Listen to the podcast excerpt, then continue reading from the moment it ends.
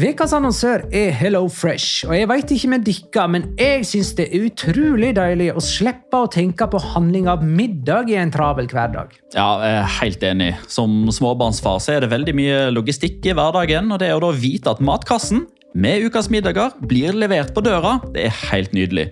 Da slipper du impulskjøp på butikken når blodsukkeret er lavt, og når du kommer hjem, kan du bare ta ut posen med dagens ingredienser fra kjøleskapet og sette i gang matlaginga. Ja, Du kan velge mellom 25 ulike retter hver uke. Og de har faktisk en egen kategori som heter Raskt og enkelt, med masse enkle og gode oppskrifter. Veldig greit å ikke måtte ty til takeaway hver gang det er hektisk på jobb. Jeg gleder meg spesielt til sterk chilikylling i min neste kasse. Jeg blir sulten bare av å tenke på det. Ja, Det er ikke feil med bacon og cheeseburger heller, da. Og det som også er bra, er at matkassen koster det samme hver uke, som gjør det enklere å holde matbudsjettet.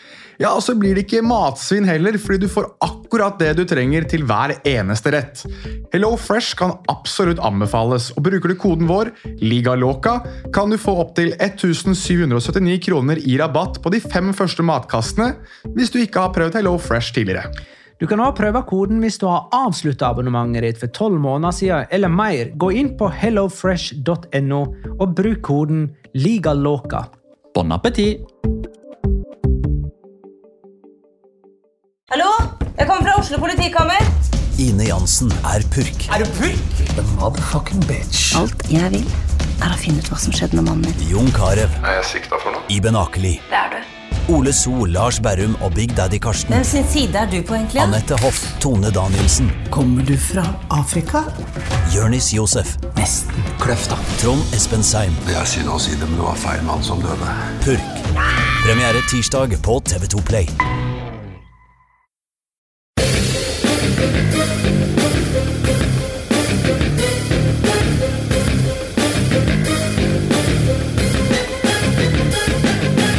Har du sett?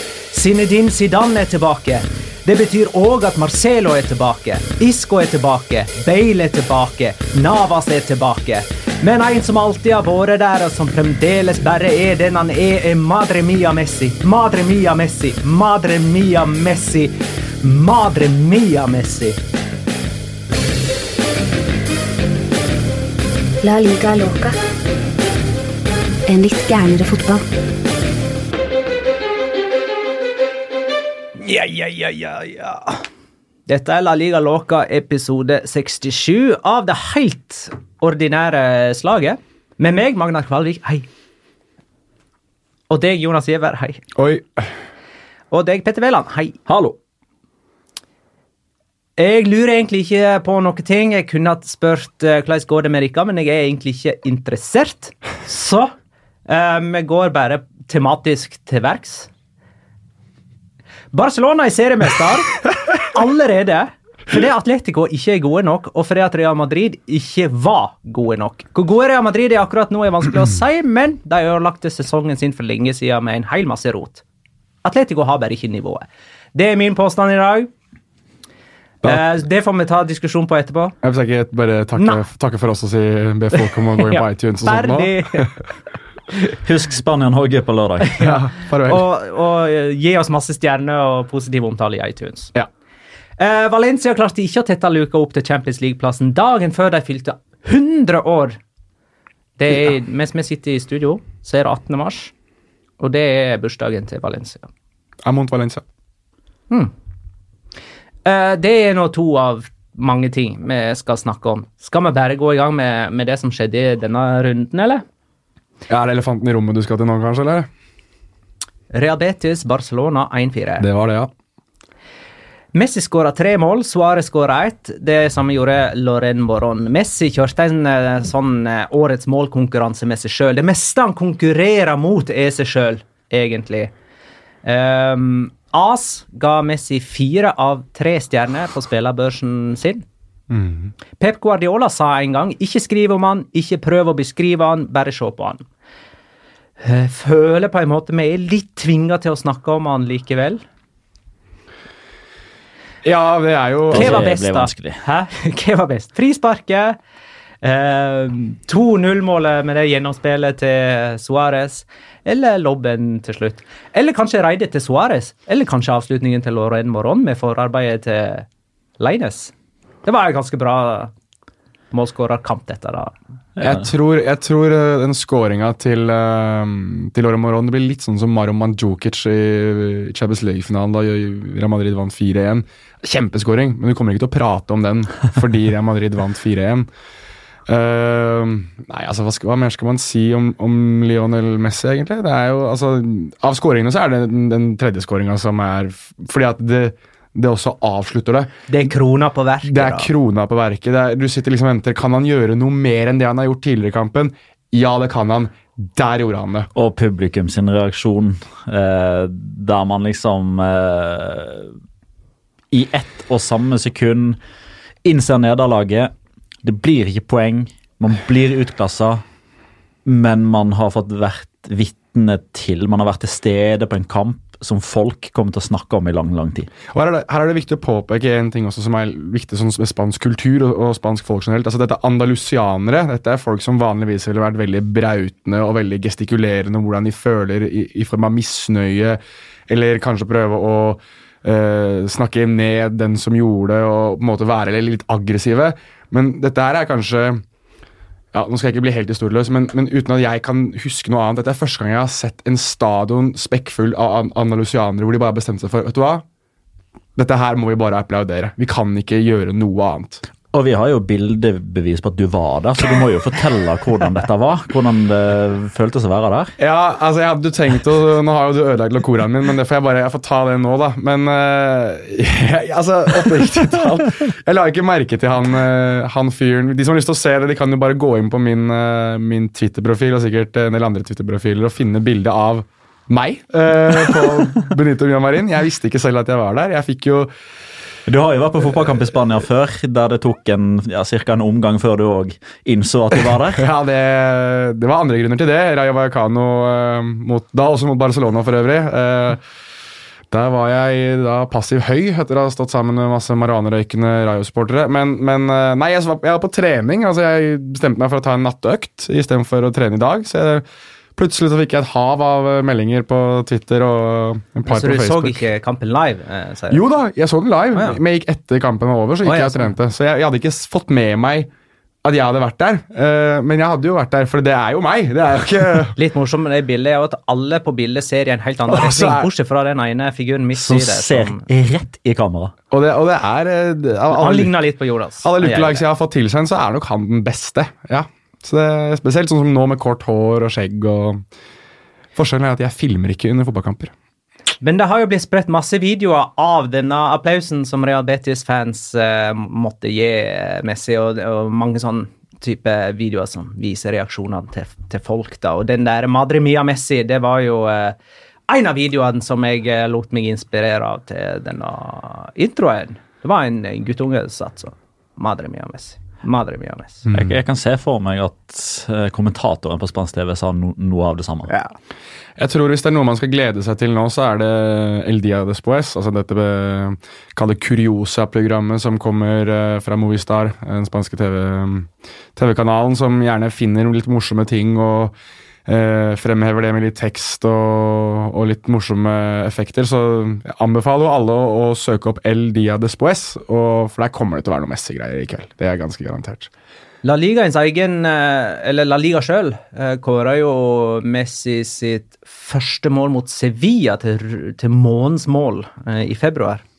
Ja. Da skåra han jo òg hat trick.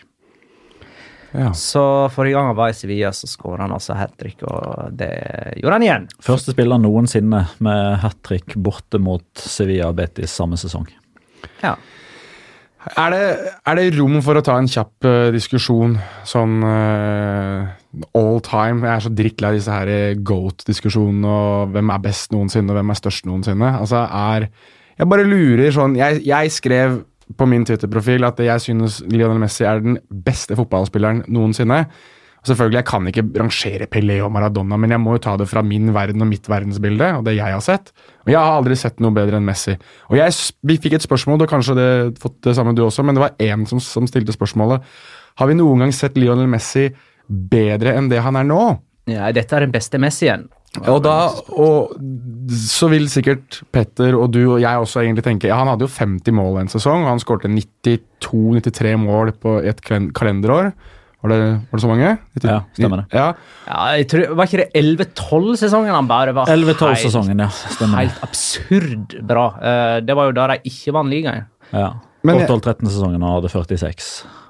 De Så han har vært god ganske lenge. Eh, Av og til så har jeg lyst til å spørre meg når ble han egentlig tidenes beste? For det er ikke nå. Det, det, for meg ble han det for lenge siden. ja, jeg er enig. eh, Jeg er enig i at han er tidenes beste. Jeg og Petter har hatt et hav av diskusjoner om tidenes største. Ja, og det det, er noe annet. det er en annen diskusjon, og den diskusjonen tar man den dagen Lionel Messi legger opp. Ja. Da synes jeg vi kan begynne å snakke om største Det ja, for det Andreas Bakke spør om det er noe, Må Lionel Messi legge opp før han blir sett på som tidenes beste fotballspiller? Ikke beste, Ikke beste. men største. Ja.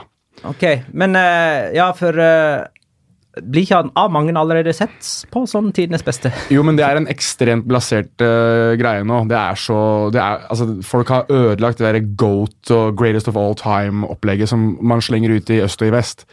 Um, hvis vi skal snakke om den, den største fotballspilleren noensinne, så må den spilleren ha lagt opp, og vi må se tilbake på hva den spilleren utrettet. Så mener jeg generelt sett i diskusjoner om det største. Men den beste, den, den med det høyeste toppnivået, den som har vist seg å være best, Den som har utøvd idretten på høyest nivå over lengst tid. ja, og da må vi også si, da må vi også være såpass Uh, igjen da, for å gå tilbake til begrepet historieløs og si at det, det nivået vi ser nå, i 2019, det er nok det høyeste nivået av fotball med tanke på teknologi, hvordan man tar vare på kroppen sin, og det vi kjenner til av fotball. Det er det, jeg tror nivået er større og er høyere nå enn det var da Di Stefano spilte på 50-tallet, da Pelé spilte på 60-tallet, da Maradona spilte på 80-tallet, da Beckenbauer og Cruyff var på Jo, men de må jo alltid sammenlignes med si tid uansett, da. Det Selvfølgelig, men Ja, når det gjelder største, mener jeg.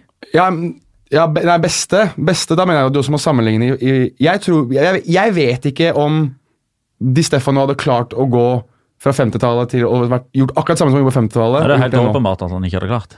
Nettopp. Men, Ja. men det, hvis Messi hadde tatt det han vet på 2010-tallet nå, og tatt det tilbake til 50-tallet, Ja. så hadde han fortsatt dominert. Ja, Men så hadde, definitivt. Men hadde Di Stefano gjort det samme med 50-tallsmetodikken i 2010-tallet? Nei. Det, det tror ikke jeg. Nei, det tror ikke jeg heller. Så, jeg, så når, når det kommer til den som er best, så tror jeg Messi er best. Men om han er størst, det kommer historien til å fortelle den dagen han legger opp. Altså det, for, for min del, så for, for, for å forenkle det litt, da altså man, man kan ikke si sånn at ja, men eh, eh, Adam Johnson sprang uh, 100-meteren på 11,72 i 1812, men hvis han hadde løpt i 2019, så hadde han løpt på 9,49, så derfor er han eh, bedre. Nei, altså, det går ikke større. Det er mitt motargument Ja, mot de som snakker om Di Stefano og Pelé og alt dette. Ja. Med tanke på hvem som er tidenes beste, ikke største. Det største, der, der, der rangerer jeg ikke Messi er ikke inne på min liste akkurat nå. Når han legger opp, så kommer han til å være mest sannsynlig Men det, det, det- ja, men det er først da vi kommer til å innse hvor god Messi egentlig var. Når han mm. ikke gjør det lenger fordi han ikke er der. Jo, for det, det er først da vi ser hva han betyr i ettertiden. Ja. Eh, og der har jo Cruyff og Pelé og Maradona på en måte udødeliggjort seg eh, Helt riktig. Og, og det er i det. ettertiden, liksom. Men, men jeg, jeg vet jo ikke, vi, vi var jo ikke der vi da, men tror du folk satt og sa liksom at uh, Pelé er den største noensinne, eller beste noensinne, da han holdt på? Sånn, selvfølgelig var det noen som gjorde det, åpenbart, men jeg tror bare at det, hans, hans person da, og hans vesen, sammen med Maradona, sammen med Beckenbauer, med Cruyff, med Zidane, har bare blitt større og større og større og større etter at de la opp. Og det, det samme kommer til å skje med, med Lionel Messi. Og, men jeg tror nivåmessig igjen, nå repeterer jeg meg veldig, på nivå så er det ingen som har hatt et høyere nivå enn Lionel Messi, og etter ham Cristiano Ronaldo. Og han er ikke eh, alien, folkens. Han er faktisk et menneske som, eh, som bare går utapå oss alle, ferdighetsmessig. Og vi, er- vi er gjester på Messis eh, planet. Barcelona leder med ti poeng. Dette er jo en ganske dårlig nytt for Manchester United, er ikke det? At de har så god klaring i toppen, Jonas.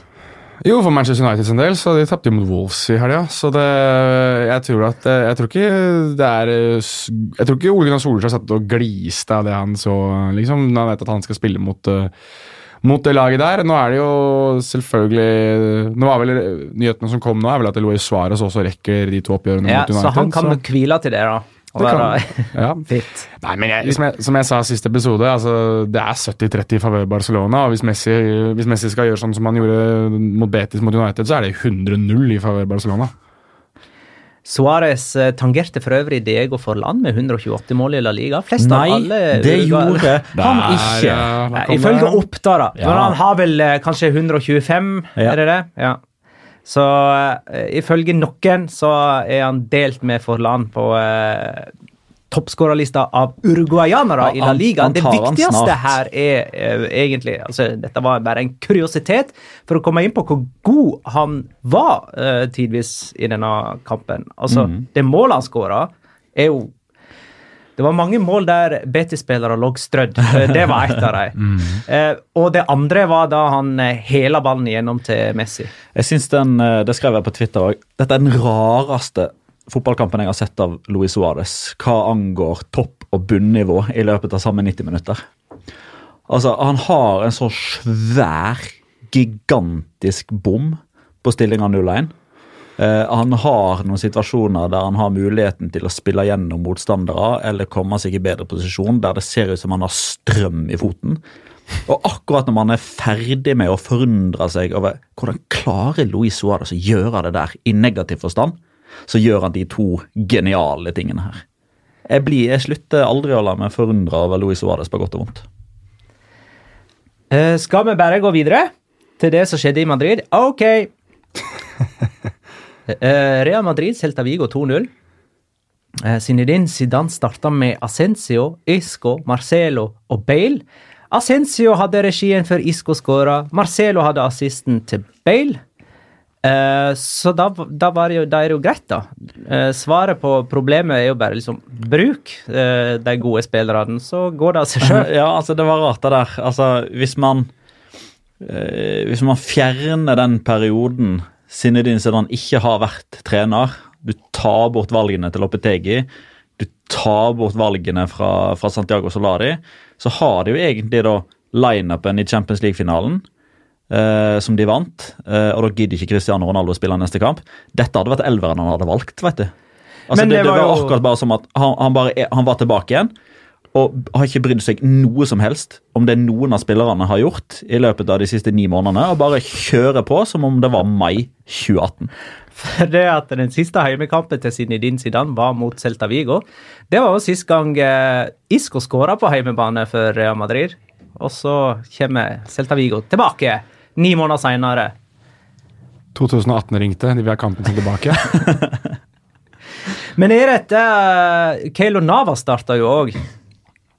Og jeg, eh, jeg syns det var gøy. Ja, Han hadde det- en kjemperedning Ja, ja, han var kjempe, eh, kjempekamp av Beste eh, keeperen denne runden. Og det jeg lurte på om er, er det et tegn på at det er Zinedine Zidane som bestemmer? Er det liksom det første provet på det? For det, at eh, det er vel sånn typisk Kaller vi han flo, Flope?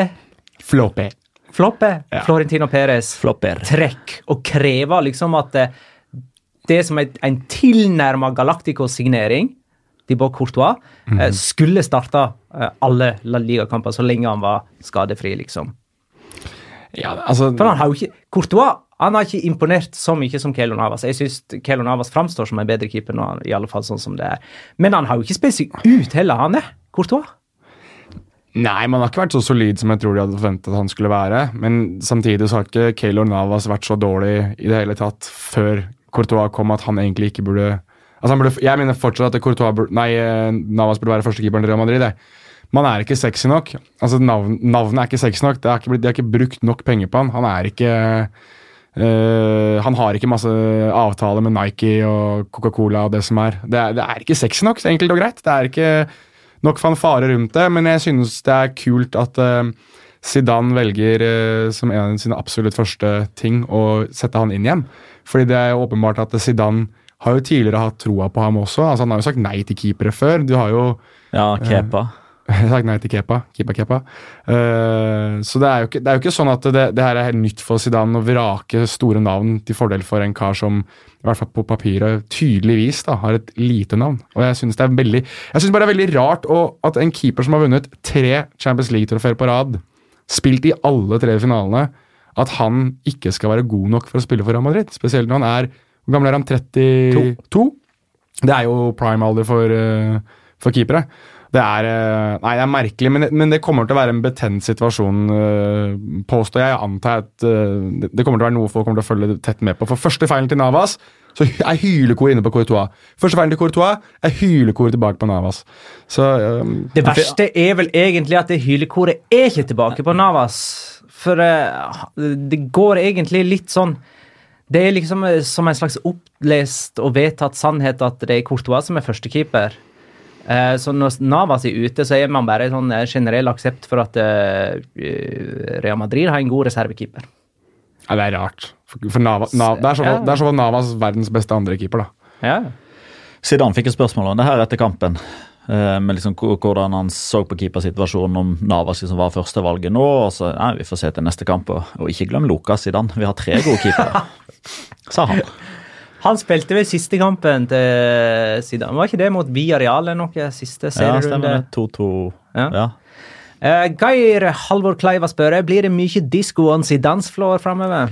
Oh, Zidans Åh. Fikk du sett uh, Good one. Ja, jeg så den. Jeg skjønte referansen. heim, Heimbaneepisoden med Murder on Zidans Floor? Eh, ja, her var det mer Isco on Zidans Floor. Nei, jeg, jeg vil jo tro det. Jeg synes jo det var eh, litt sånn uh, bisart, jeg, å se Real Madrid. Altså Isco og Bale som scorer, det, er jo, det var litt sånn i- skjebnens ironi. Og så har Marcelo en, en god kamp, i hvert fall offensivt igjen. Altså Det så jo ut som Real Madrid under Zidane.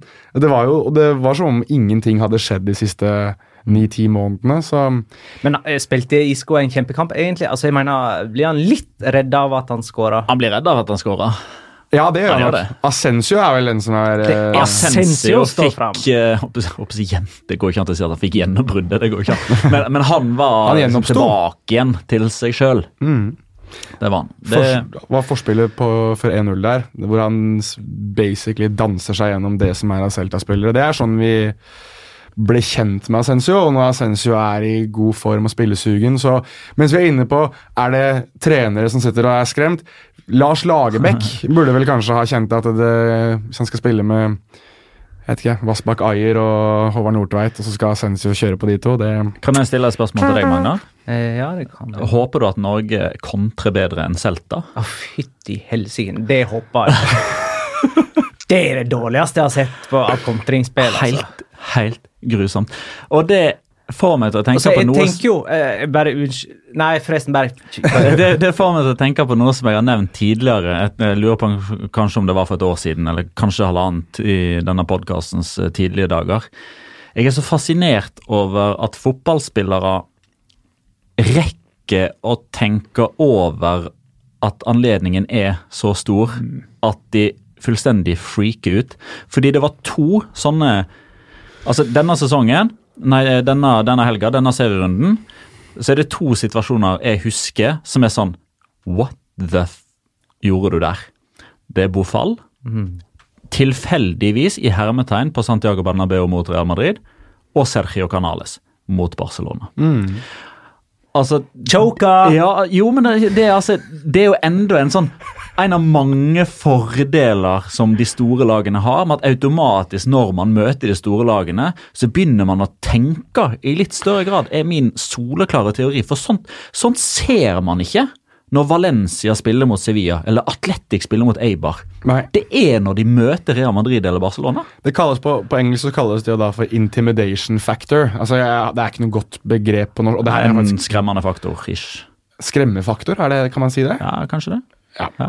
Det er i hvert fall skremmende. da. Du er, du er, mer, du har, du er mer nervøs. Det er, du, du kjenner mer Anledningen på det. er større. Anledningen og- er større. Det er jo muligens at det er det der. da, Og igjen når du og er liksom, Å, faen, det er liksom, de er på Kamp nå.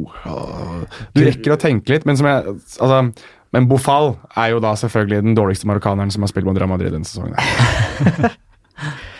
Marerittrunde for Celta Vigo. Ikke bare tapte de, så de laget over streken vant jo òg. Vi kommer jo tilbake til det. Ja, ja, men har, jeg, har du notert, eh, du som har påstandsskrevet Du har notert at jeg har sagt at Celta rykker ned, ikke sant? Ja.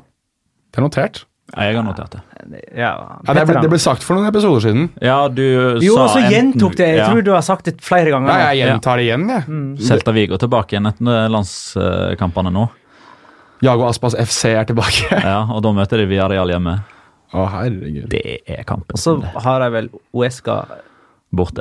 etter det igjen. Nei, men eh, vi må snart eh, øyeblikkelig eh, snakke om veien videre for Atletico Madrid. Atletic, Atletico 2-0. Uh, Inyaki Williams skåra sitt åttende mål denne sesongen. og med, Det var 1-0-målere for Atletic. Kenan Kodro! Eh, den bosniske baskeren uh, skåra òg for uh, Atletic. Han spiller med nummer to på ryggen og kommer inn og springer overalt. Og en og annen gang så hender det at han skårer. Det er sånn høres lever altså legenden om Gaisca Takero videre. Nå vet jeg om en som ble veldig glad når han fikk sånn Gaiska Tokero Ja, ja, ja. Håvard Leon Skjold. Visst, visst. Elsker Jeg, jeg jo- tenkte på han i det jeg sa det. Og så er det så deilig at han heter Leon. Ja, Leon. Leones. Ja. Løvene. Uh, dette her føler jeg for Atletico sin del Det er ikke helt ulikt den Real Madrid-fiaskoen som oppstod for et par uker siden. Altså, Atletico røk ut av Champions League med den 2-0-ledelsen mot uh, Juventus, og tapte mot Atletico mista alle håp om La Liga-tittel alt på fire dager. Så eh, Madrid bare kollapsa. vi Eller- ut, eller? Det jeg eh, Ja, vi kan ta spørsmålet fra Jan André Mrazhagen. Han har, han har fjerna Mraz. Ja, men det det driter vi i. Det blir driter i i. podkasten. Ja, det gjør det. Eh, hvor hen eh, seiler Atletico-skipet videre? Klarer ikke Simione å ta dem lenger? Og så, og så nevner han jo i parentes dette Inter-ryktet fra sommeren av. Ja, jeg sa vel for et par uker siden igjen, for å gå tilbake til mine påstander, om at det, det begynte å ligne litt på et eh, end of an era-opplegg for Atletico Madrid. At det ser mer og mer ut som det er et eller annet som ikke stemmer der, og at det kan være at man rett og slett må finne ut om man skal selge unna en del av de spillerne som har vært i klubben og som kanskje begynner å bli lei av det systemet, eller om at eh, Simione må, må bevege seg videre. Jeg får mer og mer assosiasjoner til uh, Borussia Dortmund de siste sesongene til Jørgen Klopp. Det var ikke det at spillerne ikke ville, men de var bare utslitt. De var lei av ham. De var lei av det systemet. Lei av eh, den konstante maningen og konstante eh, tilnærmingen til fotball. Det, det sliter på omgivelsene rundt deg. og Vi har sett Diego Simione i år inn og år ut, og hvordan han er. og Proff Ortega, Mono Burgos, og at de er veldig intense alle sammen. Og jeg tror uh, man begynner å se spillere som er uh, for gamle, gått ut på dato. Da jamfører jeg selvfølgelig eh, Diogo Din. Og så tror jeg du Den kampen her mot Atletic syns jeg det ble veldig tydelig at nå begynner Antoine Griezmann å bli lei. altså. Han så fysisk lei ut til slutt. Sånn, han, han virket ikke som han gadd til slutt. Eh, og det er, det er veldig rart uh, å se, spesielt når du tenker på at Diego Simione kanskje på, i, i sine virkelige glansdager da, i Atletico Madrid var den treneren som fikk de spillerne til å løpe de ekstra meterne, fikk de til å gi det siste lille de hadde. Nå ser det ikke ut som han får det til å yte noe særlig mer enn 80, kanskje mot 85% og mot Atletic da, som eh, er litt vice versa, hvor de på, eller på litt på andre uh, spektre, hvor de på en måte gir alt, da, så, så er ikke det nok. Og Det som òg er litt urovekkende, er at samtidig som de sviktende resultatene kommer, så kommer jo den AS-saken med eh, Savic, som gikk i Ja, strupen ja. på Proff Ortega og slakta metodene hans. Eh, og ganske mange av spillerne som var litt sånn overraska over at de plutselig hadde ei sånn kjempefysisk økt dagen før Juventus-kampen. De Er det fysiske at den- fysiske treneren? Ja, Profortega. Prof. Ortega, Ortega. Mm. fysiske treneren til Atletico Madrid. Vel- leg legendarisk fysisk trener. Ja. Eh, for det skal visstnok ha vært en sånn generell konsensus i Atletico Madrid sin spillerstall at de, eh, de De skjønte liksom ikke helt hva som skjedde med, med spruten i beina eh, mot slutten av Juventus-kampen. De hadde absolutt ingenting av overskudd, eh, og det satte de i sammenheng med at de hadde en veldig tøff eh, treningsøkt dagen før. Eh, for normalt sett når man ser klipp fra treningsfeltet dagen før en Champions League-kamp, og det har jeg sett masse av. Eh, Det er hepping. Det er hepping, det er litt løping fram og tilbake, bli kjent med gresset, vinke til kamera, og så er de ferdig. Eh, klippene fra Atletico Madrid-treninga, det var medisinball, og det var saccosekk, eh, og det var sånne stropper som du eh, hadde rundt magen, og, og sprang med en eh, kompis som holdt igjen bak, og ligner nesten ikke noe jeg har sett før. Eh, og så har man jo òg dette faktumet nå at antall skader og spesielt muskelskader som Atletico Madrid har hatt denne sesongen, er verdt et eh, fysiologisk studie. Ene og alene. Og da kan man begynne å si ok, blir de kjørt for hardt? Enkelt og greit. Eh, bør de endre ikke bare taktikk og formasjon og spillestil og hvordan man tenker på, på, på spillerlogistikk og sånn, men, men bør de rett og slett endre helt på hvordan de tenker fysisk forberedelse til kamp gjennom en hel sesong? Ingen avslutninger whatsoever i første omgang mot uh, Atletic.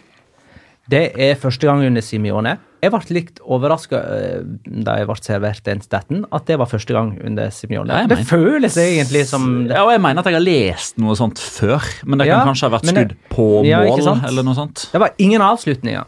Og så kom par, uh, Party med et uh, skudd på mål i andre omgang. Uh, og da hadde det ca. gått 180 minutter med fotball uten skudd på mål for uh, Atletico, inkludert Juventus-kampen. og i de to kampene så har Antoine Griezmann vært rævdårlig. Og jeg hevder altså at eh, Barcelona har vunnet serien allerede i mars fordi Atletico Madrid ikke er gode nok. Eh, altså, de røyk ut. Ja, jeg mener Barcelona har vunnet serien fordi de er så gode at de aldri avgir ti poeng til noen som helst. Jeg mener. Barcelona har vunnet serien fordi at de bak eh, ikke er gode nok. Eh, og det begrunner jeg med at eh, Barcelona egentlig ikke har tatt kjempemasse poeng eh, sånn sammenlignet med tidligere sesonger. Eh, I alle fall ikke etter, hvis man sammenligner med forrige sesong, allerede i mars. Ja, det er de lagene som er bak, som har tatt for lite. Maksimal poengsum for Barcelona nå er jo 96. Ja, eh, og det er hvis de vinner alle sine innstående kamper. Og Atletico ligger på andre med 56, er ikke det? Ja. Det er like mange som det Valencia hadde på fjerdeplass forrige sesong på dette tidspunktet. Mm. Eh, så det, de, og, og som sagt, ryker ut uh, av uh, cupen mot Girona. Ganske tidlig, og egentlig sånn at det, det var ikke sånn at de hadde det heftige semifinalekjør og det å klage på heller. Nei. Går Real Madrid rett og slett forbi? Det er to poeng bak nå. Med Zidans friske bris i ryggen, så gjør de nok det. Jeg tror det, ja. Altså, det virker jo som luft er litt ut av eh, Atletico-ballongen, da. Ja. I den grad det Og så går det masse luft inn i ballongen til Real Madrid. Ja. Nei, jeg, blir, jeg synes det er litt uh, Litt rart jeg, å se på Atletico Madrid om dagen. Jeg vet ikke helt uh, for, det er, for det er ikke noen forklaring på det, Ja, egentlig. Godin sa Ja. uh, Vi er jo ikke Atletico Madrid. Det er det som er verst, sier han. Ja, Han er jo ikke det, for han har jo signert for Inter, så det er jo greit. Jo, jo, men altså, vi framstår ikke som Atletico Madrid. Dette her er ikke vår identitet. Nei, nei, det, nei. det er det Nei, han nei. eh, sier. Så de må jo nesten finne tilbake til identiteten sin. Ja, Men det er De må få flere De må grise litt mer. Altså, nei vel, Er ikke dere gode nok til å takle Atletics sitt overgangsspill eller Injaki Williams sitt tempo? Nei, Da må de tilbake inn og være litt grevlinger, da. Jeg syns det var interessant å se um, oh, uh, De har gått inn på skåringa til Injaki Williams. Altså, du ser den forsvarslinja der.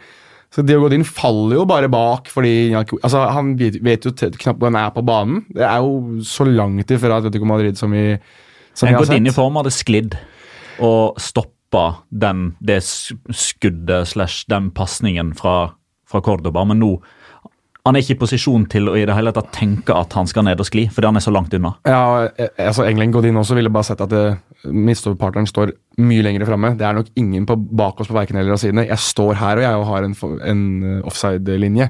Istedenfor så er det jo så skjevt som altså, Nei. Altså, det, var, det, det ligna ikke på Atletico Madrid, jeg er enig med han i det, men jeg tror da igjen at det, det går litt tilbake til at de må endre noe. Og de må endre mest sannsynlig personellet. altså enten så må spillere som ham ut av laget, og de må begynne å bygge noe nytt. Jeg så at det var kobla med Dris Mertens i dag, blant annet. Gleder meg allerede til Gris Mertens blir et ordspill i Spania. uh, og, eller så må de endre trener. Det er, Det blir jo kanskje mer et ordspill i Norge da, enn i Spania. Nei, det er Gris som en grismann, hvis han gjør det veldig bra. ikke sant? Så Gris Mertens. Sånn, vi, vi savner ikke han. Så ja, ja, skjønner. Ja. Ja. Vi beveger oss videre, tror jeg. Kampen om Champions League. um, skal, jeg litt, skal jeg ta og se litt på uh, tabellen, og uh, Si hvordan ståa er. Du har Chetaffe på fjerdeplass med 46. Deportivo Alaves med 44 på femte. Sevilla på sjette med 43, altså tre poeng mellom dem. Valencia er på sjuende med 40. Jeg tror vi stopper der, jeg. Nei. Ja, kan ta med Rehabetis, Betis som har 39, og Atletic som har 37. Nei, det trenger vi ikke. Ja, ok, Rehabetis, Betis, da. Ja. Rehabetis Betis tapte altså mot eh, Barcelona. Det skuffa meg, eh, det Valencia leverte i går. eh, det må jeg si. Eh, 0-0 hjemme mot Getafe. Dagen før 100-årsjubileet. og Las Fallas er i gang, og det er bare fest og, og det som er. Og så Det ble ikke noe fest på banen. Det ble egentlig ikke noe særlig krig på banen heller. Jeg hadde jo forventa bråk og Nei, det, begynte, det begynte å tilta litt mot slutten. Mm. Eh, jeg syns eh, altså, Vanligvis eh, så, så liker jeg ikke dommere som lar ting gå for langt før de begynner å dele ut kort, men i går så syns jeg Sanchez Martinez forsto sin rolle oppi det her veldig bra. Jo, Med- han kan å- få honnør for uh, Ja, gemyttlighet. Med, med, med å vite historikken her, med å vite antageligvis da hva kortsnittet ligger på de siste sesongene, som er helt gal i Mathias, mellom disse to lagene, og klarte å unngå å få de konfrontasjonene mellom spillerne ved å sette seg selv i midten. Han blåste frispark, han, og så spurte han 15 meter unna, sånn at ingen rakk å protestere. Det var, det var liksom ingen som gikk opp i ansiktet hans og vifta med noe kort. Og dermed så kom det heller ikke en fra motstanderlaget og spør hva er det du holder på med. Altså, Han bare blåste han, og så løp han. Sett i gang spillet. Men uh, Getafe skulle ha straffespark. Ja, De skulle det. lurer jeg jo på, altså. Den heime-mata-situasjonen. der ja. Der, fikk der skulle man ha blåst, uh, men det viser seg at det er offside. Uh, så derfor uh, gikk ikke VAR inn. Er det, er, offside er, det er offside? er offside når Jorge Molina spiller gjennom Mata. Ok. okay ja, Så, ja. og så, så ble det corner til slutt i stedet for, de kunne jo ikke gjøre om på Jeg husker ikke om det kunne ble gripe corner inn på noe sånt. Offside når det Nei, var corner. Så Det ble corner, men jeg, det var vel det var Gaia som tok Mata, var det ikke det? Jo, Det husker jeg jo. Det var sånn eh, For de som har spilt mye PlayStation, det er sånn når du trykker Når du sitter og trykker for mye på den ene takleknappen, og så bare takler du spilleren som ikke har ball. Det var det som var eh, Det var det som var greia med Men- Men da skulle ikke de hatt straffe, da. Men eh, nei, altså hvis dommer hadde blåst, så hadde den antageligvis blitt uh, trukket tilbake igjen. Ja. Eh, Men eh, fikk dere med dere post match-intervjuet med Gaia? Nei. Nei, jeg ikke det. Der reporteren plutselig ble eh, den som måtte svare, og Gaia stilte spørsmål. Ok. Nei. Han, to, han tok en Bielsa, med andre ord. Eh, Ja, eh, fordi han, han fikk jo spørsmål. Ja, hva eh, Du, eller dere eh, opplever jo kampene på banen. Hva syns du om de to polemiske situasjonene? Eh, så føler han at eh, eller På den straffesituasjonen da, så mente han jo at ja, kan hende at det er noe kontakt, men han ble plutselig veldig tung, sa han. Eh, men, men det som var artig, det var den annullerte skåringen til, til Gameiro. Ja, riktig. Ja, Eh, eller det var jo ikke han som skåra, men det var han som var i offside. ja, ja. Eh, og da sier han at eh, ja, men han, han, han skjønner ikke hvordan dette kan være offside, for, for ut ifra hans eh, posisjon så står Gameiro bak keeper. Og hvis han står bak keeper, hvordan kan han da eh, forstyrre synsvinkelen? Hvordan kan det da være offside? For det er jo sånn det er. Er det ikke? Spurte han nærmest sånn Vær så snill, si at det er greit. Eh, altså tror jeg ikke hun reporteren helt forstår greia her. Så sier han ja, men det, det blir regna som at han er involvert i spillet. og Dermed så er det offside. Ja, men han står jo bak keeper. Hvordan kan man da være Han, han er jo ikke involvert i spillet. Keeper tar jo ikke hensyn til han, for han må jo redde ballen uansett. Eh, ja, men det er på den første situasjonen. Å ja, det er det, ja. Ja, men da er den grei. Å, ja. Jo, for Gaia tenkte på selve avslutningen. Ja, ja. han, At, Når Gamera ja, hoppe da- hopper opp for å ikke bli truffet av ballen. Og da står han i offside-posisjon, men det er jo innlegg i forkant, Ja. noen sekunder før, som eh, ja, for Alexander Larsen har jo spurt oss hvorfor blir Gameiro blåst av for offside, mens Kane ikke blir det mot Arsenal på straffesituasjonen. Begge påvirker spill, men ingen rører ball. Uh, det blir- blir- blir tricky. Ja, men, kan hvorfor, ja, men eh, den eh, Kane-greia ble jo eh, håper jeg, besvart. Det er, jo, det er jo fordi at eh, han, han, var, han var ikke i Han var aldri i offside fordi han kom aldri i posisjon til å være offside fordi han ble felt. Og fellinga skjedde før han kom i offside, på, uh, var, før han var involvert i spillet. Ja, før han var involvert i spillet, ja. Ja. Men han var i offside idet pasningen ble, ble sleget. Ja, men det teller visstnok ikke. Petter, Nei, ikke sant. Petter vet jo ikke det. Han ser ikke på engelsk fotball. Han hater jo alt som har med engelsk fotball å Ja, ikke sant? Myten lever. Jo, det, altså, han ble felt før han ble involvert i spillet, var tolkingen der. Var Ja. ikke det sånn? Ja. Derfor så eh, ble det ikke vurdert som uh, offside, men straffe. Ja. Uh, mens her er jo Gamero involvert i spillet. ja. Ja, så det blir en ganske annerledes situasjon. Uh, Getafe var jo strålende fornøyd med 0-0 her. Det har Ja, jo grunn til. De beholder jo sin uh, fjerdeplass. Uh, Valencia måtte vinne, men ender altså opp med sin sjette 0-0-kamp. Mm. Som er, og sin 16. uavgjort denne sesongen, er som er tangering unna, av eh, klubbrekord. Ja, Nå er det to unna La Liga-rekorden, vel? 18. Deportivo. Det kommer jo til å skje. De kommer jo til å i hvert fall tangere den rekorden. I løpet av de neste to rundene så har de gjort det. Men, men, men jeg, tror, jeg tror eh, status, eh, eller fakta, eh, er som følger at altså dersom Valencia tar den rekorden, da klarer de ikke å ta Champions League-plassen. Ja, Da må de i så tilfelle vinne de sju andre, og- og det gjør de ikke. Men vinner Europaligaen, vet du. Det kan hende. Har jo Men de tar ikke walkover fjerdeplassen. til, walkover til semifinalen. Ah, ja, men det, det spørs hva slags krefter som er sterkest. Den friheten man føler på eh, ved å spille mot ikke-spanske lag, om det er det som gjør at Villarreal plutselig presterer, eller om det er Europaliga-hymnen. For hvis det er Europaliga-hymnen, stakkars Valencia. Nei, men du må, nå må du huske det at uh, uh, det er på kvelden Valencia spiller, og da ruller jo ballen litt bedre. Og, ja, det er sant, det. Kampen eh, Men Jo, det men gjorde han jo i kveld òg. Ja. Så de har nok ikke den unnskyldningen Nei, men det er to timer senere, da er ballen ruller enda mer. Ja, ja, det er klart. det er klart. Uesca Alaves 1-3.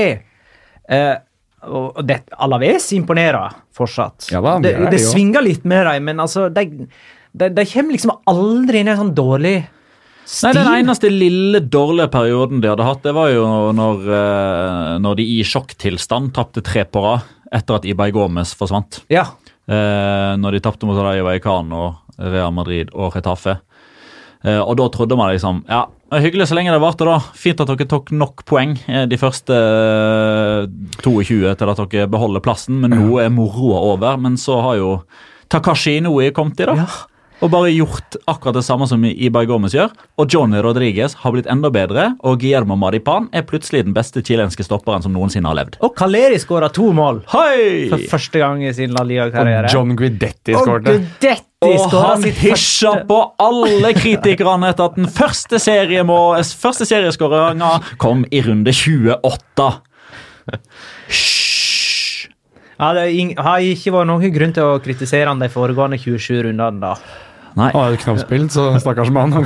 Og det vi for så vidt har lært i det siste, og ikke bare i denne kampen, her, er at man eh, skal virkelig vite hva hen man har hendene sine når man er innenfor egen 16-meter Ja, etter VARs inntog. To hens i denne kampen, som uh, Det er jo ikke eh, Jeg sliter jo litt med hands-regelen, da.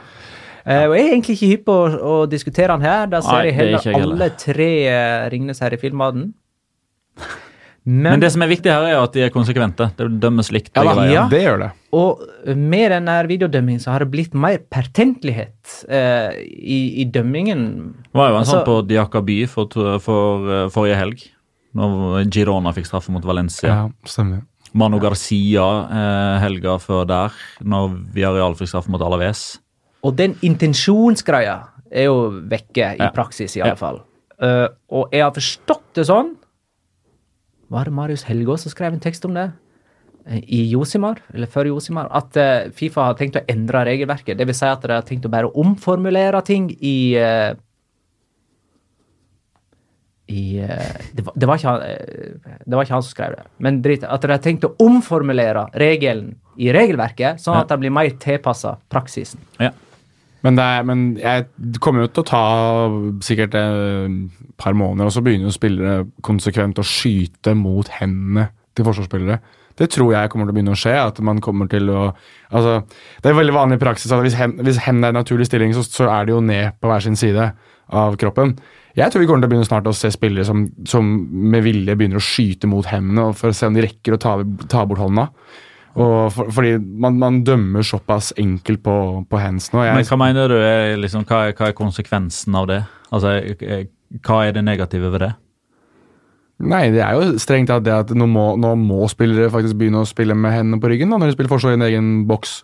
Når de står én mot én mot en det er, det er dette med naturlig og unaturlig stilling. og Magna sa at han gidder ikke å diskutere over tre Ringenes herre-filmer, og det skjønner jeg også, men jeg bare synes det er merkelig at du kan bare ballen er borti hånda di, så er det, er det hands. Jeg synes sånn, Hvis du har hendene over hodet og at du gjør deg større sånn øh, altså unaturlig med hendene ut, langt ut på sida, da, så synes jeg at det er helt greit at du blåser, men hvis hendene er nede i altså Hvis du tenker hvordan du går, da, og du har hendene nede, og, altså, og ballen blir skutt på deg, eller ballen faller ned i hånda di, at det skal blåses hands, synes jeg er merkelig. Men det altså, det er, regelverket er sånn det er, og det får vi bare leve med. Ja, Vi skal ikke diskutere hands-regelen noe særlig lenger. Jeg, jeg, jeg merker at jeg, jeg sliter med å engasjere meg så veldig i noe som helst annet enn at det eneste jeg bryr meg om, er at det dømmes likt begge veier. Eh, og, også, og uansett hvordan regelverket er, om man er uenig i regelverket, om man er enig i regelverket, om man mener at regelen må være sånn eller sånn eller sånn, eller sånn, det er likt for begge lag, så lenge man klarer å håndheve det likt begge veier, og det er det som er viktig. Hånd, men vi må forstå håndheve. regelverket og, og hvordan det blir praktisert. Så klart. Så, så,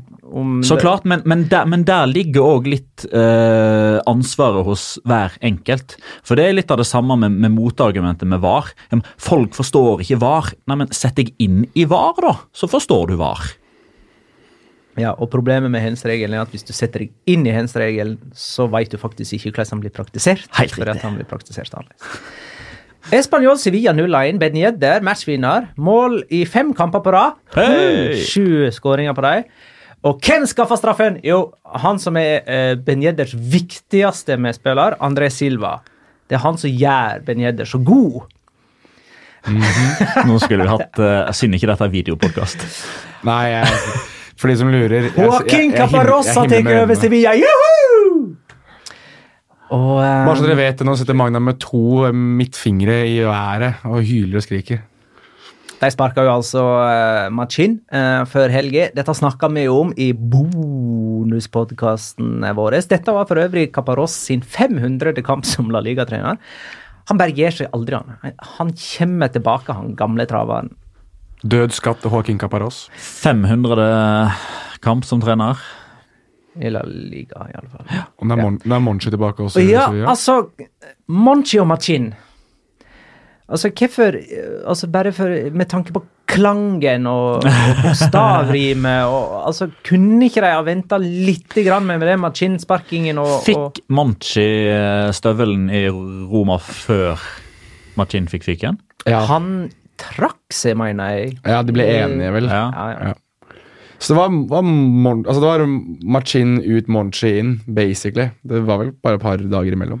Ja, Men det var ikke noe sånn at uh, altså hvis José Castro, presidenten, hadde ansatt eh, Monchi et par dager tidligere, kunne han da ha unngått at Machin fikk fyken, eller fikk Machin fyken før Monchi måtte gå?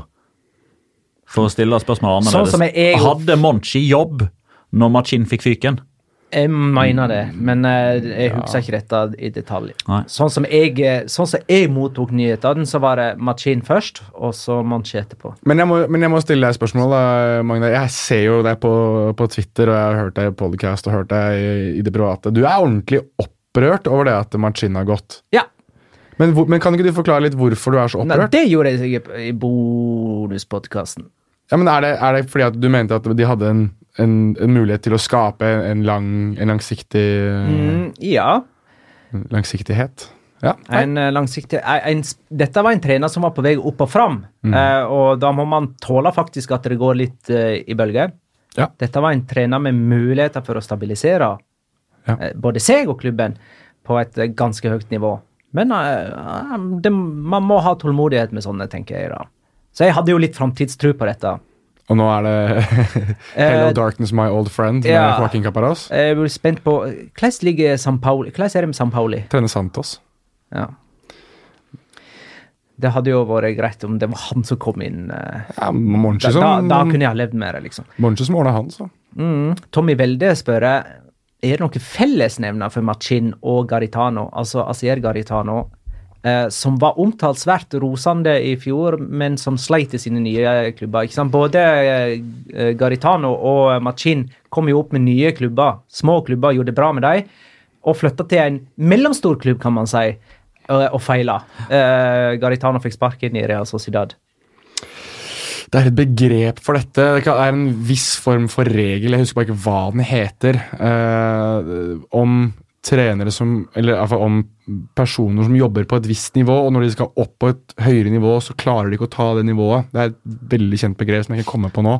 Det ble brukt veldig mye i forbindelse med David Moyes, da han gikk fra å gjøre en knallgod jobb med Everton, og så skulle han da ta Manchester United. At det kom aldri til å gå pga. en viss regel. Gresset er ikke alltid Nei. Nei. Uansett, eh, jeg tror Nei, altså, det, det er litt sånn som det å spille på Camp Nord Santiago Bernabeu. Det er mer press. Det er, du tenker mer, du overanalyserer sikkert litt mer. Du føler at du må gjøre mer enn det du har gjort før. Ja, så er det jo også sånn at det som funker ett sted, funker nødvendigvis ikke et annet sted. Nei.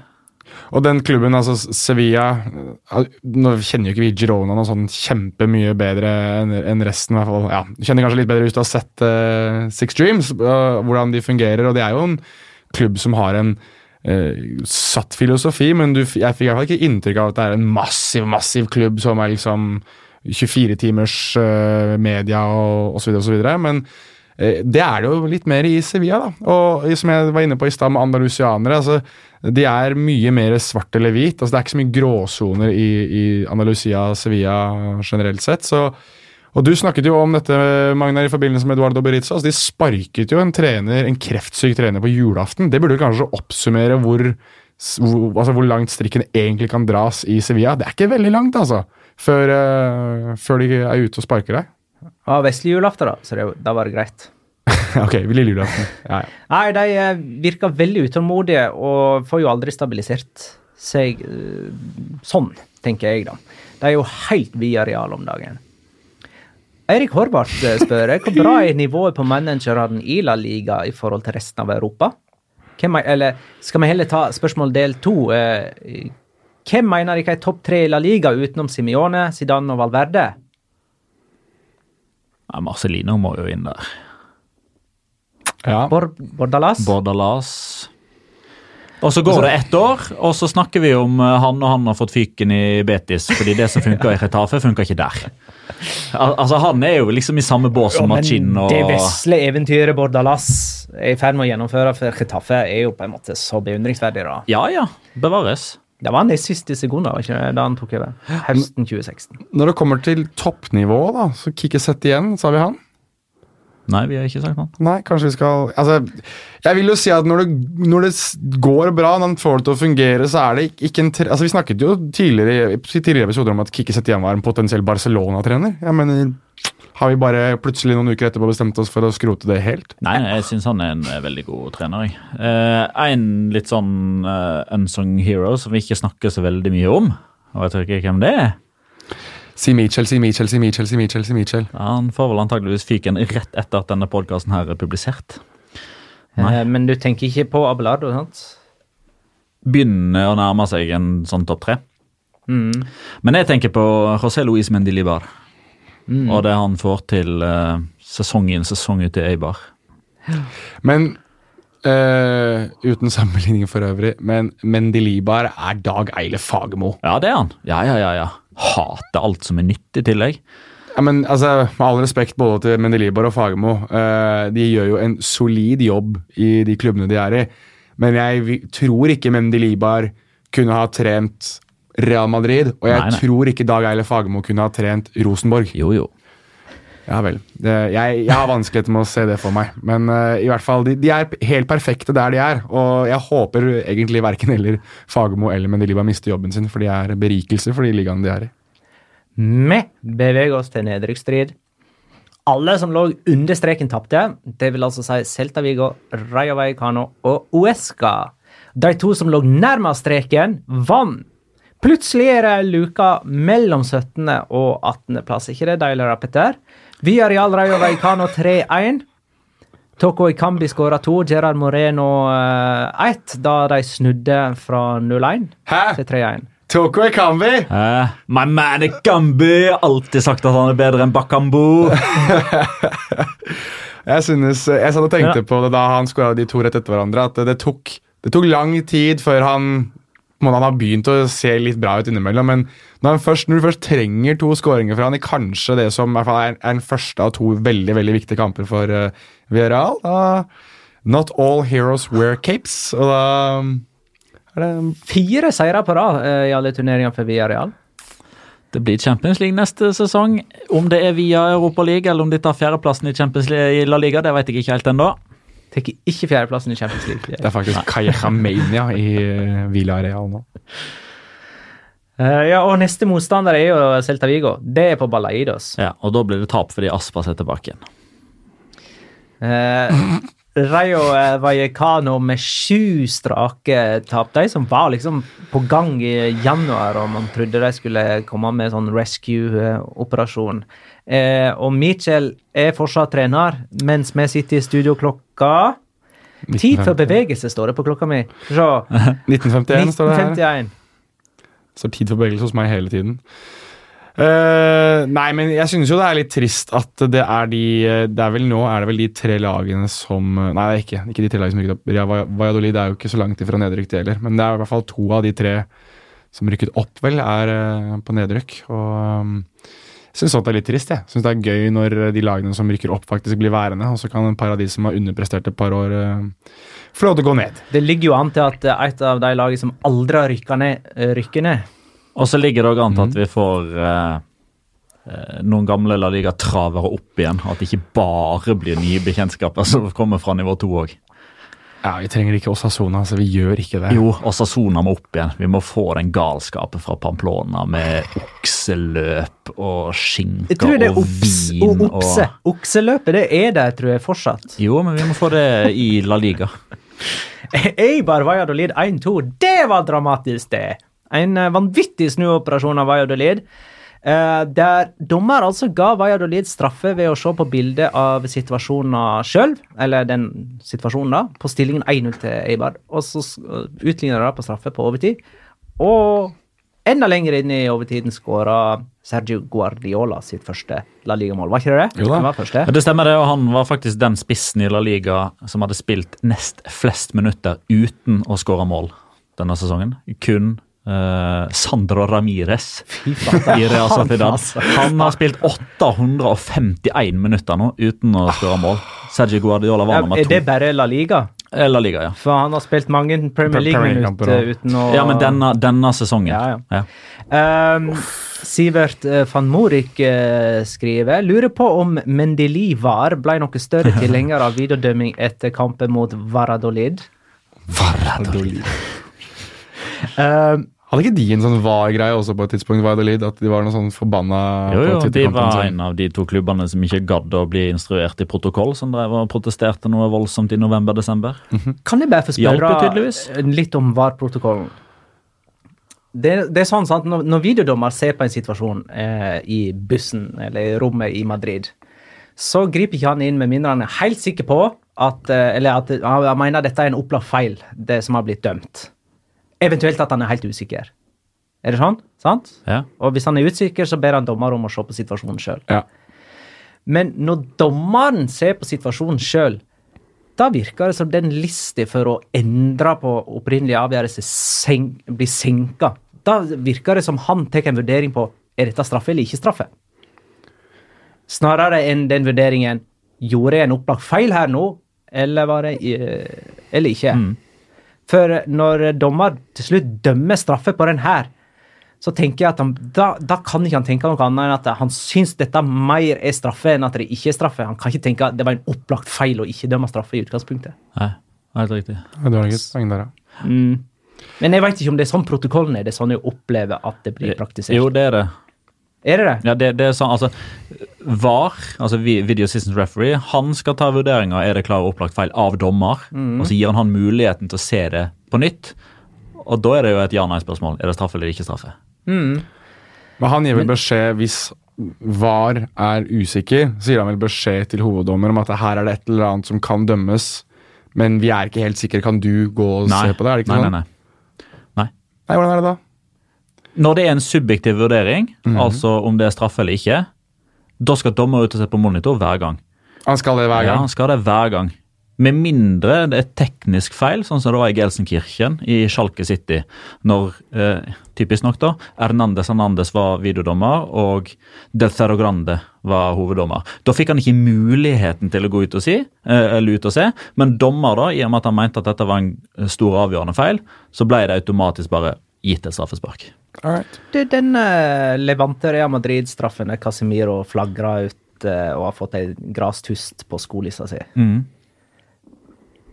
Ble det da vurdert som en ikke-objektiv situasjon, siden dommeren aldri ble uh, Nei, men hva- hva- vurdert som en objektiv situasjon, siden dommer aldri ble kalla ut til å se den situasjonen selv. Men VAR mente at det ikke var en klar og avgjørende feil, og da, da gjør man ingenting. Nei, Jeg syns du nettopp sa at alle subjektive situasjoner skulle dommeren Alle subjektive situasjoner der man må endre, må man ut og se.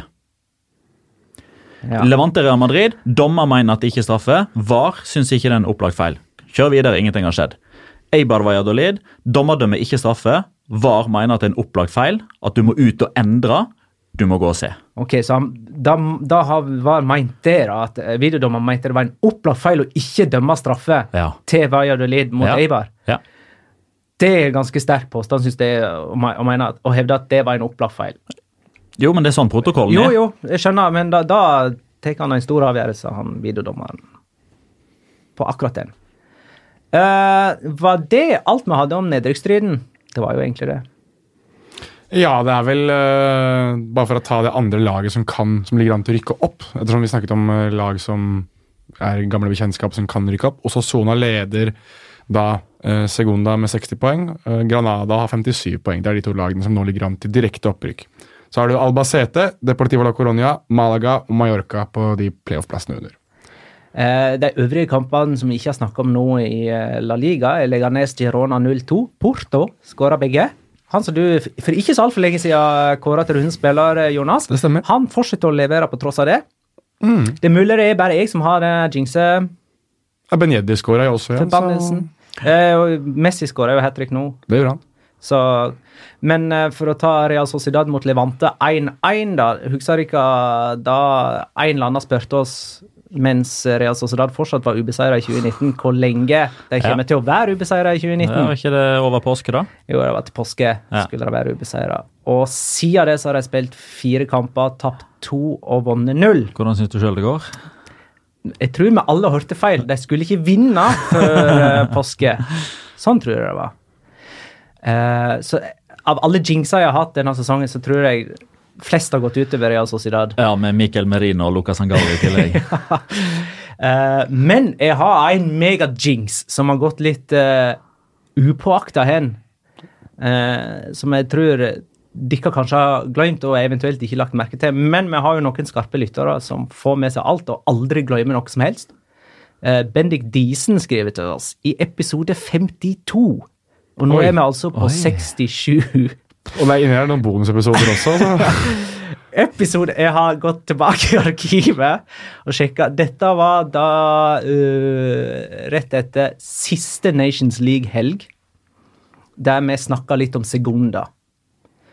I episode 52, fra ca. 55 minutter og 55 sekunder, snakker dere om det neste Girona-Eibar-Uesca. Altså den neste klubben som skal komme opp i La Liga for første gang og etablere seg der. Ja, nå vet jeg hvor du skal hen. Og Alcorcon blir trukket fram av Magnar, som er tydelig imponert. Og, si, og da topper altså Alcorcon tabellen etter 14 serierunder. Ja. Siden det så har de vunnet tre av 16 kamper og er nå på tiendeplass. Hva er det han eh, het for noe, sa du? Han, som Bendik Diesen. han er vår par podcast assistant referee. Han hevder dette er Magnars drøyeste jinx. Jeg er med på det. og- Jeg er men, med på det. men sa ikke du òg da, eh, litt i forlengelsen av at Luca Sangalli hadde fått hjerneslag, og at broren hans Marco Sangalli spilte Falcocon. Derfor håper du litt ekstra på det. Du har ødelagt Sangalli. jo den helgen! Ja, han gjorde det. Og holdt opp Luca Lucas Angalli-drakt og greier. Ja, ja. Ja, ja. Ja, jeg vet ikke hvordan det går med Marco Sangalje. Det blir ikke noe julekort hos deg fra dem, tror jeg. Han har ikke fått hjerneslag, vet. Nei, men eh, jeg tror vi går på rundens spillere, da, Petter. Ja, la oss gjøre det. Um, skal vi se. Rundens spiller. Det er alltid deilig å kunne stifte bekjentskap med noen nye ansikter. For det går nemlig opp og ned i denne fotballen. Dalende formkurver, skadeproblemer, sykdom, en trener som ikke liker trynet på vedkommende.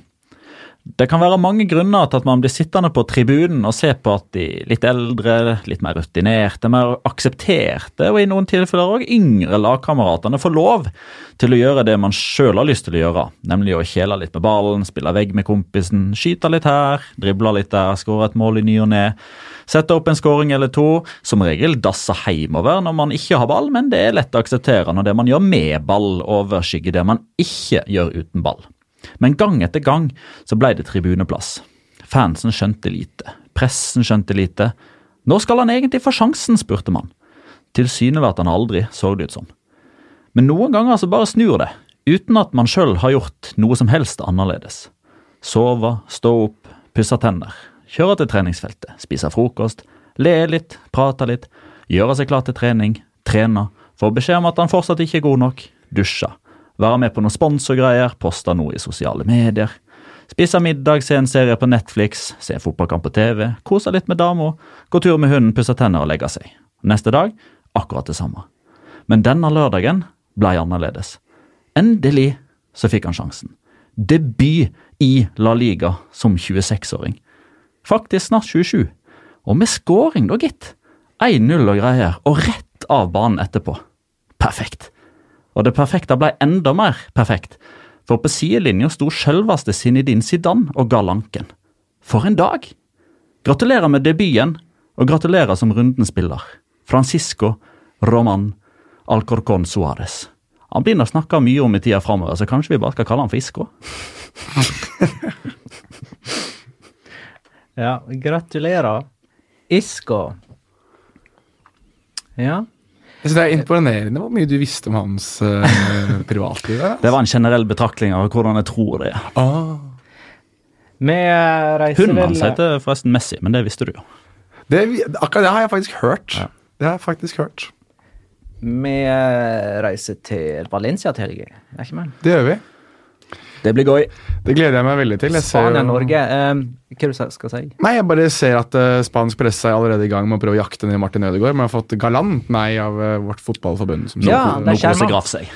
ja, nå er Graff Det på jobb. godt. Nå er Graff på jobb. Det er bra, det. Men uh, det, kan det være i samarbeid med Real Madrid, eller? Den spansk pressenekten? Ja, Nei, det tror jeg ikke. Jeg antar at de har tatt en raincheck, uh, sikkert med, med dem òg, men jeg vedder jo på at de sikkert har satt seg ned med, med Ødegaard selv og spurt litt om hva, hva, hvordan han føler seg. Vil han gjerne slippe det og sånn? Han, han, uh, altså, spansk presse har jo blåst opp så mye om ham før, og det var jo han sa vel det i det intervjuet med nederlandsk presse at han hadde forestilt seg å spille mer for Real Madrid, og det ble jo blåst opp og gjort eh, et nummer ut av i spansk presse, selv om de faktiske sitatene var ikke så ille, egentlig. Eh, Så jeg antar jo at nå når Ødegaard er i Spania og spansk presse prater med ham, så er han litt grann forsiktig på å gjøre noe. Så lenge Carlos Forhanes i AS driver og lurer rundt i buskene, så er det greit å ha en boikott. Bjørnar eh, Gilleshammer eh, spør jeg med utgangspunkt i at alt i, i fotball kan alt skje. Hva vil det si for Spania om Norge får med seg et resultat fra Mestalla? Kan du spørre de som så EM i 2000 om? Ja, Det var, var, ikke det eh, Camacho som var trener da? Han med svetteringene under armene. Fy flate, de var svære. Og har han jobb nå? Nei, og han hadde vel ikke jobb etter det? Jo, Jo, men altså, de gikk jo videre, for pokker. Ja. De gikk jo videre. De skulle jo gått videre i 2002, og de hadde ikke vært en egyptisk dommer som uh, så noe ingen andre så. Ja, mot Eh, Sør-Korea. Ja, da Joaquin slo innlegg og oriente seg da i mål og ble avvinka for at ballen var over, og det var den ikke! Skulle hatt var, gitt! Ja, dømt til suksess, husker jeg. jeg tror, eh, det var en norsk avis som skrev det om Sør-Korea. For de hadde jo litt hellet med seg i runden før og mot Italia. Så da kan du, Vi kan jo ta utgangspunkt i den Sør-Korea-kampen hvis Norge skulle slå, skulle slå Spania. Er Men eh, hva vil det si for Luis Henrique og Altså, det, spør, det, spørs jo litt hvordan et eventuelt poengtap kommer òg, da. Altså Hvis det liksom er eh, sjansesløseri og en sånn tilfeldig møkkaskåring på dødball eh, på Spania sine vegne, da, eh, så tror jeg de kan være litt sånn litt medialige. Men hvis de ikke skaper noe all verdens, hvis de er stakkato, hvis Norge har god kontroll og det er greit at de tar poeng, da blir det ikke hyggelig lesning for Luis Henrique de nærmeste dagene. Men samtidig så er det jo sånn at det, det er første kampen i, i, gruppespillet, og de har Malta borte dagen etterpå. Skulle de avgi poeng mot Norge og stå med ett poeng etter én, så står de med fire etter to, og da er det liksom Da er starten ikke optimal, men den er heller ikke sånn det er ikke noe snakk om at han ikke skal få fortsette, eller at Nei. det blir lynsjestemning. eller sånn, det, det vil jo ikke være. Nei, men eh, vi gleder oss. Det blir stas. Eh, det er jo moro å se alle disse her eh, norske Valencia-supporterne som er i Valencia allerede, og som skal ja. være hele veien. De er jo De er jo med på det 100-årsjubileumfeiringen. Uh, Rest in peace, ganske mange levere. ja, men da er det tid for Locura! Ukens La Liga Locura. Locura. Locura. Locura. La Liga Locura. Noen som føler seg kalla? Jeg kan godt begynne. Det kan du. Dette er jo vanligvis La Liga Locora, men jeg tar en Locora Iberdrola i dag. Mm. Liga Iberdrola tilsvarer jo den norske toppserien. Der det gjerne er sånn 200-300 tilskuere Jeg har ikke sjekka opp hvor mange tilskuere det er på toppseriekamper, men eh, det er ikke 60 700. Den uh, den søndagskampen som hadde flest tilskuere i hele den spanske fotballen denne helgen, var altså kampen mellom Atletico og Barcelona Femini. 60 739 tilskuere på Wanda Metropolitano. Det er verdensrekord. Eh, den forrige rekorden var på 51 000, satt i Mexico. Tidligere i år, så, i januar, så var det 48 000 på samme mes, og mm. Atletic mot Atletico. I eh, cupen så har det deilige navnet Copa de la Reina. Hei! Ja, Dronningens cup. Uh, Atletico Barcelona er jo damedens El Clásico, for Real Madrid har jo ikke lag. Nei. Det fins et lag som heter Madrid, som spiller i helkvitt, men det har ingenting med Real Madrid å gjøre. Det er en slags uh, homasj. Uh, Barcelona vant 2-0. Et uh, mål av uh, Asisat Oshaola fra Nei, hva blir det? Oshuala fra Nigeria og Tony Duggan fra England. Det er en engelsk spiller i Barcelona Atletico toppa tabellen tre poeng framfor Barcelona, så det var en viktig Barcelona-seier der. Eh, og vi har jo for øvrig, både Marka og AS hadde dette mm. som hovedoppslag på dagens eh, framside.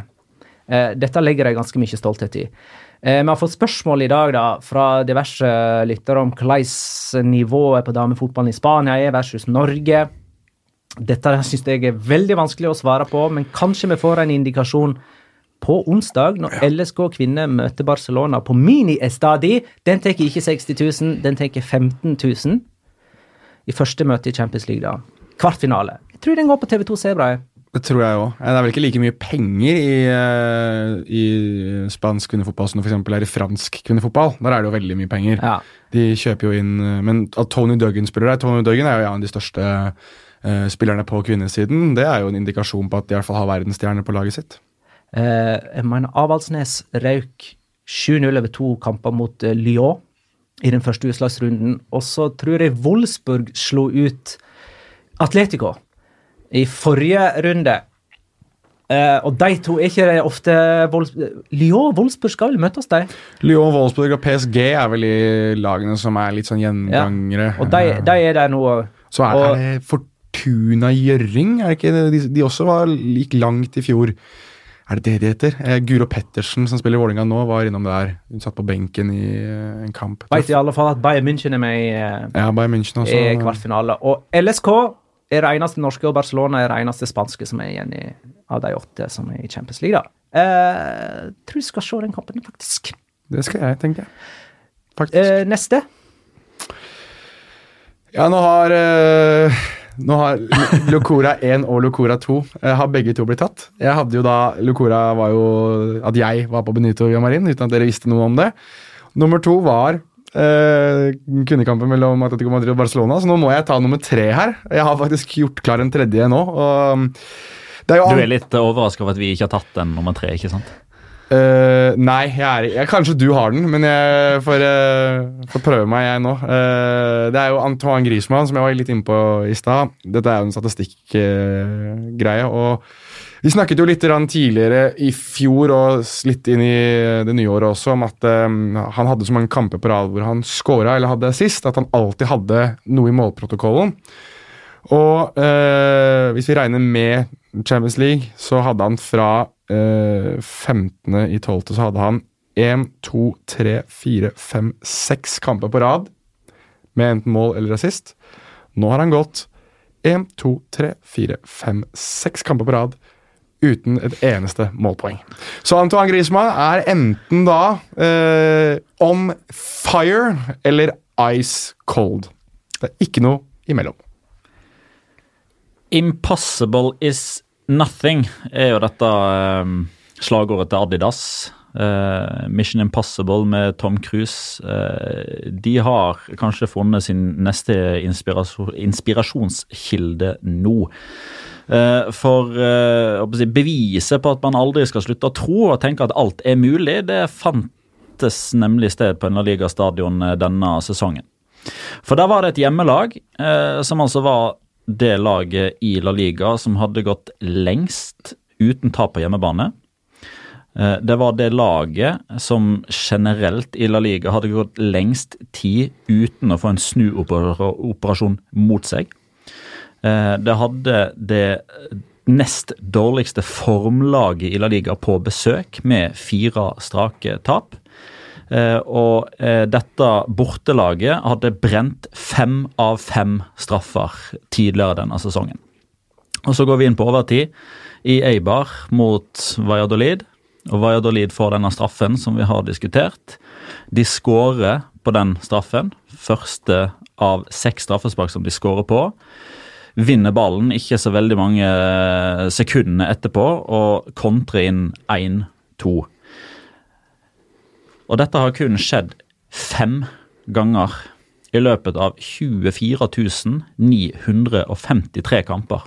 Altså at et lag vinner på bortebane i La Liga der de lå under idet man gikk inn i tilleggstida.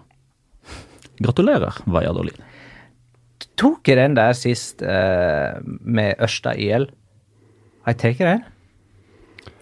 Da Eh, har jeg sovet i Det fall- det var da Valladolid bomma på straffe mot eh, Real Madrid. Real Madrid. Og Jan André Moraz Hagen spurte er det noen lag som har bomma fem strake straffespark i samme sesong. Ja, Atletico Madrid gjorde jo det for noen sesonger siden. Ja, ok. Og Knut Erik Myklebust kunne svare at Ørsta IL hadde fem på rad, og han bomma på to av dem. Oi! Ok. Så til landslag så har Martin Palermo en del i samme kamp, så Ja, tre på rad. det. Um, Let med tippingen ligge.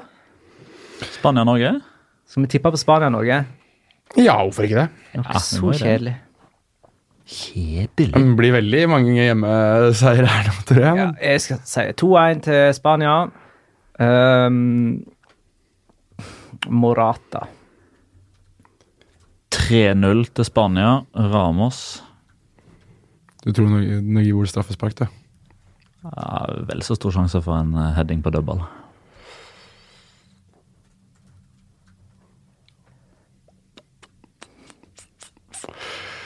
Eh, Skal jeg være litt, eh, litt Fordi jeg mest sannsynlig skal prøve å gjøre, gjøre, et nummer ut av det. 4-0, Inigo Martinez. Hva, hva skjer hvis han Jeg må, jeg, jeg må tenke på noe lurt her. Ikke noe bleking av noe hår, altså. Det Vår forrige kamp var jo Valencia-Chetaffe. Der hadde Petter 2-1 med Juan Mat Nei, Heime Mata, som Oi! eh, må skåre ni kort. Eh, null poeng på Petter, som står på 17. Jeg hadde 3-1 til Valencia med Rodrigo som første målskårer, og ti kort. Det er null poeng på meg. Jeg har 13. Jonas hadde 1-1 med Heime Mata som målskårer, og sju kort. Det er ett poeng til Jonas.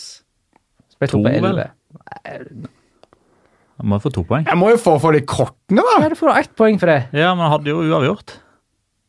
Ja, du uavgjort det òg. Teller det òg? Ja.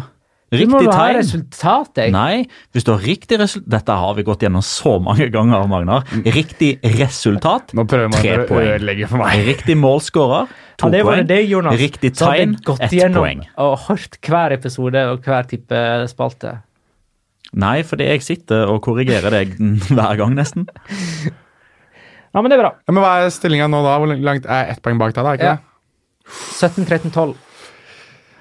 Jeg er fortsatt langt ned. Jeg jobber Eh, Jeg eh, begynner snart å se dere bak meg. Lungene mine bare eh, kjenner litt sånn lettelse nå. Og så går det da åpenbart når Morata skårer Skårer mot Norge. Tusen takk for alle spørsmål og innspill, kjære lytter. Takk for at du gir oss rating på iTunes og positive kommentarer. Og fortell om oss til alle vennene dine.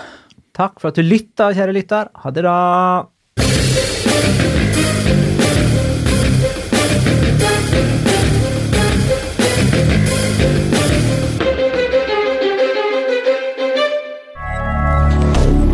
Moderne media. Har du et enkeltpersonforetak eller en liten bedrift? Da er du sikkert lei av å høre meg snakke om hvor enkelt det er med kvitteringer og bilag i fiken, så vi eh, gir oss her, vi. Fordi vi liker enkelt. Fiken superenkelt regnskap.